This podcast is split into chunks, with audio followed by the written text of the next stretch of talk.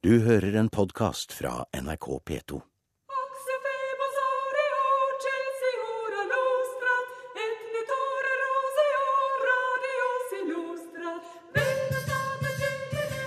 Hvis vi gikk rett ut fra dette museet og gikk eh, en ca.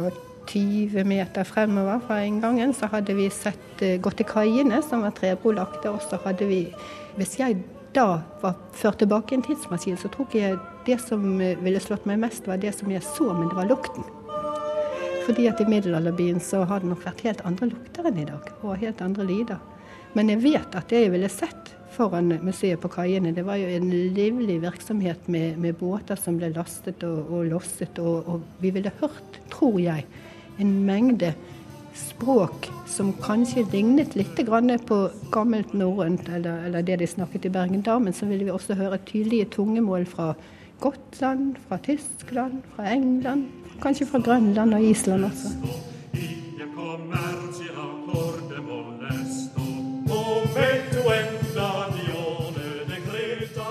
Og det er disse 800 år gamle stemmene vi er på jakt etter.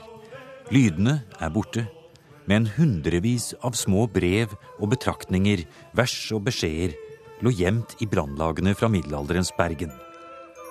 Sammen med direktør Anne Ågotnes på Bryggen museum klatrer vi over Lavrandkirkens ruiner mellom Maria Gildeskål og Mariakirken. Vi snakket i, vel, i hvert fall et, et fellesnordisk språk, men det som er, er, vanskelig, er vel egentlig å vite hvordan det har hørt ut. Vi vet hvordan det ble skrevet og hvordan det så ut. Merkelig nok. Men lyden, lydene kjenner vi veldig lite til.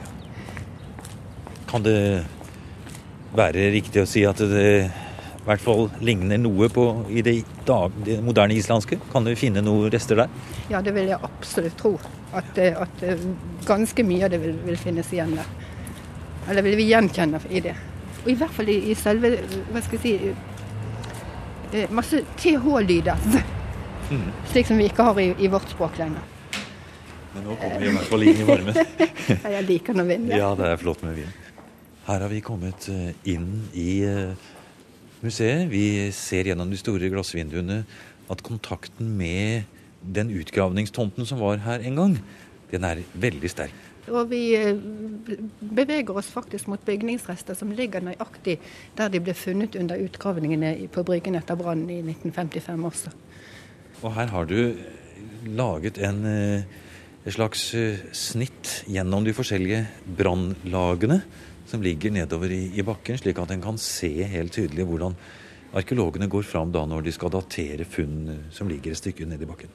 Ja, det kan du også kan du se noe annet som jeg syns er veldig spennende og, eller spennende og dramatisk. Du kan se alle brannene som har rammet trebyen Bergen. Syv branner i alt har de funnet. Den første var i 1170-71, kanskje var det en før det. Den siste i 1702. Og på et så kort tidsrom syv totale branner som, som har rammet en by, det er ganske dramatisk, det.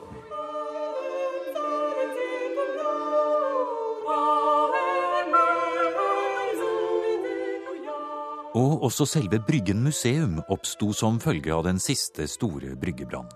Som en historisk katastrofe forsvant sju av de karakteristiske husrekkene sommeren 1955, og utgravningene som fulgte, var en av de største byutgravningene som har foregått i Europa. Funnmaterialet var rikt og dokumenterte hverdagsliv, handel, språk, kunst og kultur. Det ble funnet hvaler og skaller fra Grønland og keramikk fra Malaga. Kontaktene med hele den kjente verden var stor. Latin var fellesspråk, og kanskje mer utbredt enn vi tror. Og den største skatten blant funnene var mer enn 600 runestikker, små trebiter med sirlige inskripsjoner av runer. Alt fra små beskjeder til alvorlige forretningsbrev. Og selve nøkkelen til runegåtene er futarken. Futak det er navnet på de syv første eh, bokstavene i runealfabetet, i det runealfabetet som var i bruk i middelalderen, riktignok. F-U-T-H-A-R-K. Også de andre resterende de heter HNIAS-STMBLY. Ja, så futarken det er altså bare en måte å omtale runealfabetet på? Fordi at uh, disse bokstavene er de første i ja, runealfabetet. Det er de syv første. Ja. ja. det er rett og slett et veldig enkelt og veldig lett Når det først er sagt, så er det et veldig lett uh, måte å huske runealfabetet på.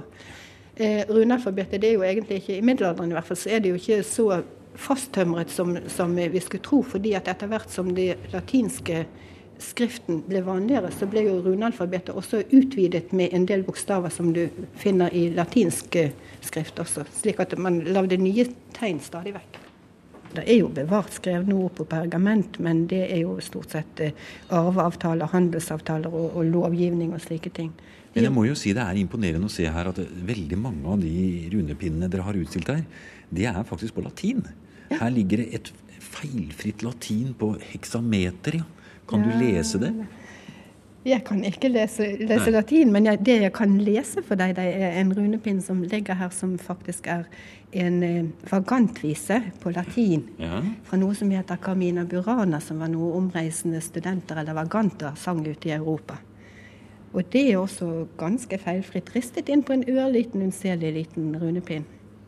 Det er eh, I Sigmund Skars gjendiktning så lyder det Alt må elske, Juno sel, Jupiter gjev fagnad, Neptun stormer, likevel følger han sin dragnad. Jamvel han som styrer hel, lyder må sin lagnad. Her har vi en liten uh, trepinne, men det er ikke en runestykke, den er det hull i?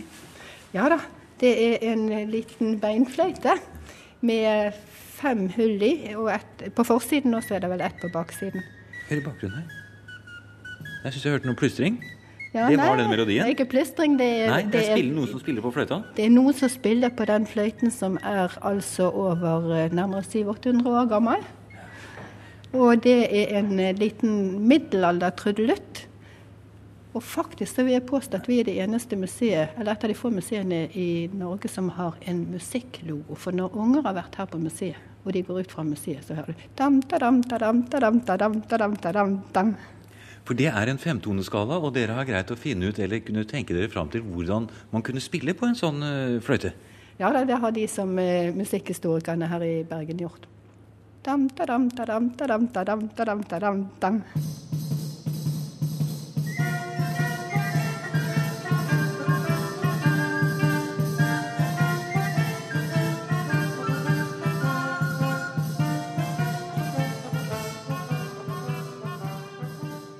Hvorfor begynte man å skrive med runer her i Norden?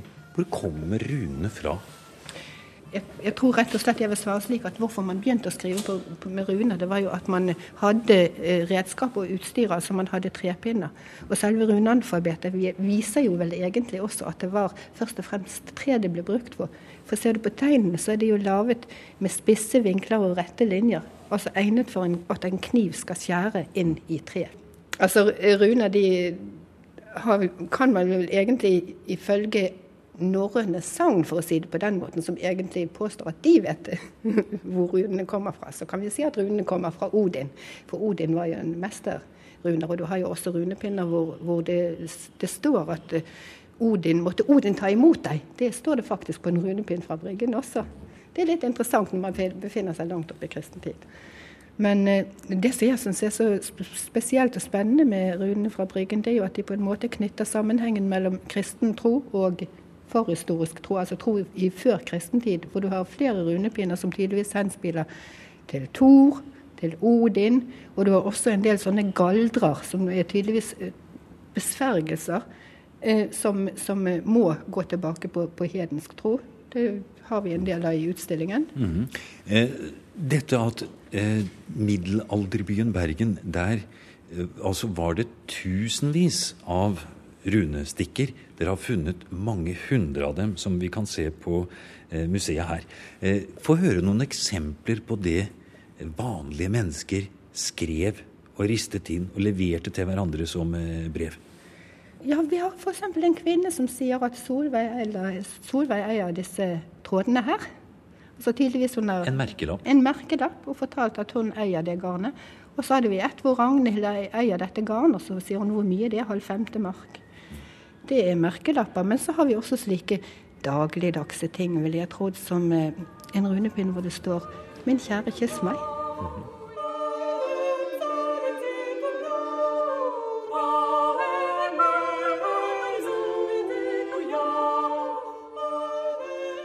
Så har vi jo også en, en, en runepinn som jeg er litt glad i, fordi at det er sånn Har du skrevet hemmelig, hemmelig skrift? Ja, nettopp. Ja, sånn røverspråk, ja. Ja, ja. Der har vi, hvis du ser godt etter på en liten runepinn som ligger her, den er også ørliten. Den er full av ansikter, ikke en eneste rune, hvis du ser første gang. Aha, det er lønnruner. Det er lønnruner, og hvis du ser på ansiktene, så er det vel en ti-tolv forskjellige ansikter med skjegg. Og ikke ett skjegg er make. De har forskjellige skjegg tegnet som streker. Én, to, tre, fire, fem streker som går til høyre eller til venstre. Men hvert ansikt har forskjellig strek. Dette er en hemmelig kode. Det er en hemmelig kode, for hvis du knekker koden, bokstavelig talt, så ser du at eh, hvert ansikt markerer med streker i skjegget hvor eh, bokstaven befinner seg i runealfabetet. Så hvis man kan futarken Så hvis man kan futarken og kan telle attpåtil, så finner man at på den runepinnen som hvor det faktisk er bare ansikter, der står det 'som livet ditt'. som livet ditt, ja. Kan det ha vært en del av noe større, eller tror du dette er hele meningen? Nei, det er nok en del av noe større, helt sikkert. Denne pinnen er knekket, og, og der må det ha stått noe før, som livet ditt. Vi har andre, andre kvist, kvistrunder også, så, hvor det er fisker med, med forskjellige finner. For eh, det å kunne både lese runer og riste inn runer, det var i hvert fall noen hundre år tidligere en, eh, en stor kunnskap som bare noen få hadde, og det ga status i samfunnet å kunne beherske runer. Hvis vi altså da går til eh, de eldste runene. Ja, det, det var det nok absolutt, og jeg vil nok, eh, vil nok også tro at det var en slags eh, eh, ble, de, de som kunne riste runer, ble tillagt en større makt enn de som ikke kunne det. Og at runeristeren, den som virkelig behersket eh, kunsten å riste runer, også hadde en magisk funksjon nettopp ved det å riste runer. Og det viser faktisk gjenstander fra Bryggen også. Fordi at når man bare har ristet inn en enkelt rune på, på bruksgjenstander, så tyder det jo det på at runen i seg selv skulle verne den tingen den ble ristet inn på.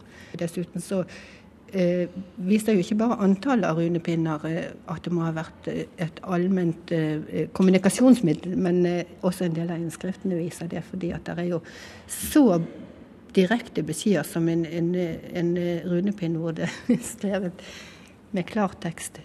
Gyda sier at du skal gå hjem. Og det, da tenker jo jeg at her har nok Gida vært sint på mannen sin som kanskje var Eller på en bekjent som kanskje satt litt for lenge på et sted og drakk øl. Jeg sier jo ikke at det var slik det skjedde, men det er jo det som er det fascinerende med en del av runene. Det at man kan lage sine egne fortellinger om det. Og Det syns jeg er ganske viktig på et museum, at man også kan gå og, og la tingene eh, leve i sin egen fantasi. Kan man eh, trekke det så langt som å si at uh, den første graffitien vi i hele tatt kjenner til, det var på runestikkene? Eh, ja, det syns jeg. Fordi jeg syns man skal eh, forsøke å se sammenhengen mellom oss i dag og middelalderens mennesker. Og kanskje så var det ikke så annerledes enn oss. De, de tenkte og sendte små beskjeder til hverandre på samme måte som vi gjør. I dag kanskje på dovegger, så gjorde de det på runepinner. Og det fins faktisk runepinner her på eh, Bryggen museum som man tror må ha vært ristet inn på en eh, utedo et sted, f.eks. Ja da, det har vi. Vi har flere faktisk, og vi kan jo gå og se Ja, på en del av disse også. Skal vi se på en eh, utedo Vi skal gå til en toseter Ja. med to hull, og der har vi satt opp tre-fire runepinner. Ikke fordi at de nødvendigvis er funnet på doen, Her, ja. i tilknytning til Nå det. kommer vi inn til, i, på en utedo. Men mm. Det er bare noe igjennom. Men er det ekte saker, dette her, da? Det er en ekte toseter, ja. Du ser det ene hullet er bevart, og det andre hullet er så er det bevart ganske nok til at du kan se at det er en toseter. Og her har vi altså ekte graffiti som er 700 år gammel. Og hva er det det står på dem, da? Og der har vi en som eh, står sånn, som eh, ja, en gutt ville skrevet på et herretoalett kanskje, eller sendt en liten lapp til en jente, men kjære kyss meg. Og så skryt, er det en annen som skryter, nå vet jeg ikke om det er gutter eller jenter som har skrevet dette, selvfølgelig, men en som skryter, han heter Smed, han skriver Smed lå med Vigdis av snellebeinsfolket. Det er nærmest uh, minner faktisk om sånn reality-TV. Og så er det jo en litt uh, vakker og søt en, en som forteller om kontakter mellom eh, Bergen og Stavanger, for den forteller at Ingebjørg elsket meg da jeg var i Stavanger.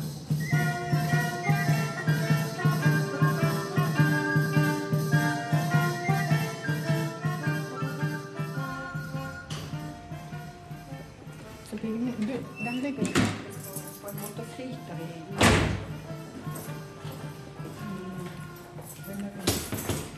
nå gjør vi noe som eh, vanlige besøkende på et museum aldri kan få gjøre, men som vi gjør. Nå er vi inne i selve magasinet, vi nå. Her har vi en av konservatorene dine. Ja, det er Arne Larsen som har Ja. arbeidet med skomateriale. Her, ja. Her ligger, her ligger altså da rester av en sko. Ja. Og det er en skinnsko. Den er en av de fineste tingene vi har her på museet, syns jeg, da. Se her, ja. Den er helt uh, flat. Du pakker den forsiktig opp her. Den ligger fint nedi en eske. Og vi ser her en såle, og du får fortelle hva mer vi ser. Vi ser en såle, ja, den, ser vi, den er jo litt fillete. Og så ser vi et overlær som har vært festet til, til sålen. Og hvis du ser på det overlæret, så er det fullt av runer tegnet med Det, dobbeltstrek. Der ser vi runetegn, ja, med dobbeltstrek. Ja, det har kanskje vært eh, eh, brodert på en måte, kanskje. Jeg innbiller meg at den har vært brodert, og jeg tenker kanskje at den har vært brodert med silketråd i fine farger. Liker jeg å tenke. Og hvis du ser, så kan du faktisk følge at runene har gått rundt hele vristen. Og så har de ført videre frem fra overkant av vristen og helt frem til tåspissen. Jeg, jeg laver, liker å lage mine fortellinger om det, så jeg tror det er en mannsko. Ja, nettopp. Og vi kan se at den har vært brukt også, for du, der som store to har vært i sålen der, så er det slitt et hull. Kraftig slitt er den hele, så den har vært veldig godt brukt. Og innskriften, det, er, eller det som står der, er jo runer, men det er jo ikke på norrønt mål. Det er en latinsk tekst. Og hva står det? Det som står der, som eh, omnia vincit amor, det er, har vært tolket, eller det vet man er et sitat av den romerske dikteren Vergil. Og på norsk så vil det vel hete 'Kjærligheten overvinner alt'.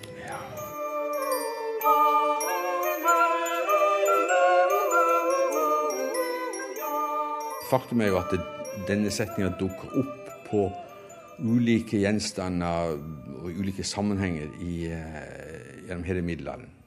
Vi har det også på en, et helgenskrin, vi har det på flere runepinner fra, fra Bryggen. Så det må ha vært en, et uttrykk som, eh, som man har syntes om, og som både har vært brukt i verdslig sammenheng og i helt klart kirkelig sammenheng. Eh, I um, Canterbury Tales of Chaucer der, der står det om en, en priorinne som har dette, dette utsagnet på en, en brosje. Så det er jo mer kirkelig, kan man nett- neppe få det. Så det, det er et veldig interessant eh, til hvordan et sånn utsagn har, eh, har overlevd og blitt brukt i ulike sammenhenger.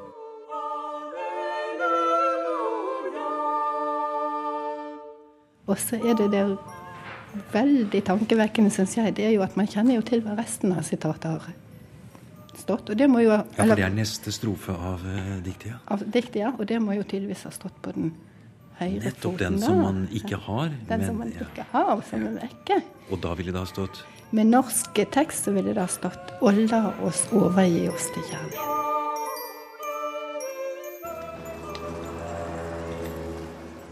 Du har nå hørt programmet Museum som podkast fra NRK. Museum sendes i NRK P2 på lørdager klokken 16 og søndag morgen klokken 8. E-postadressen er museum.krøllalfa.nrk.no. Og nå har museum også en side på Facebook.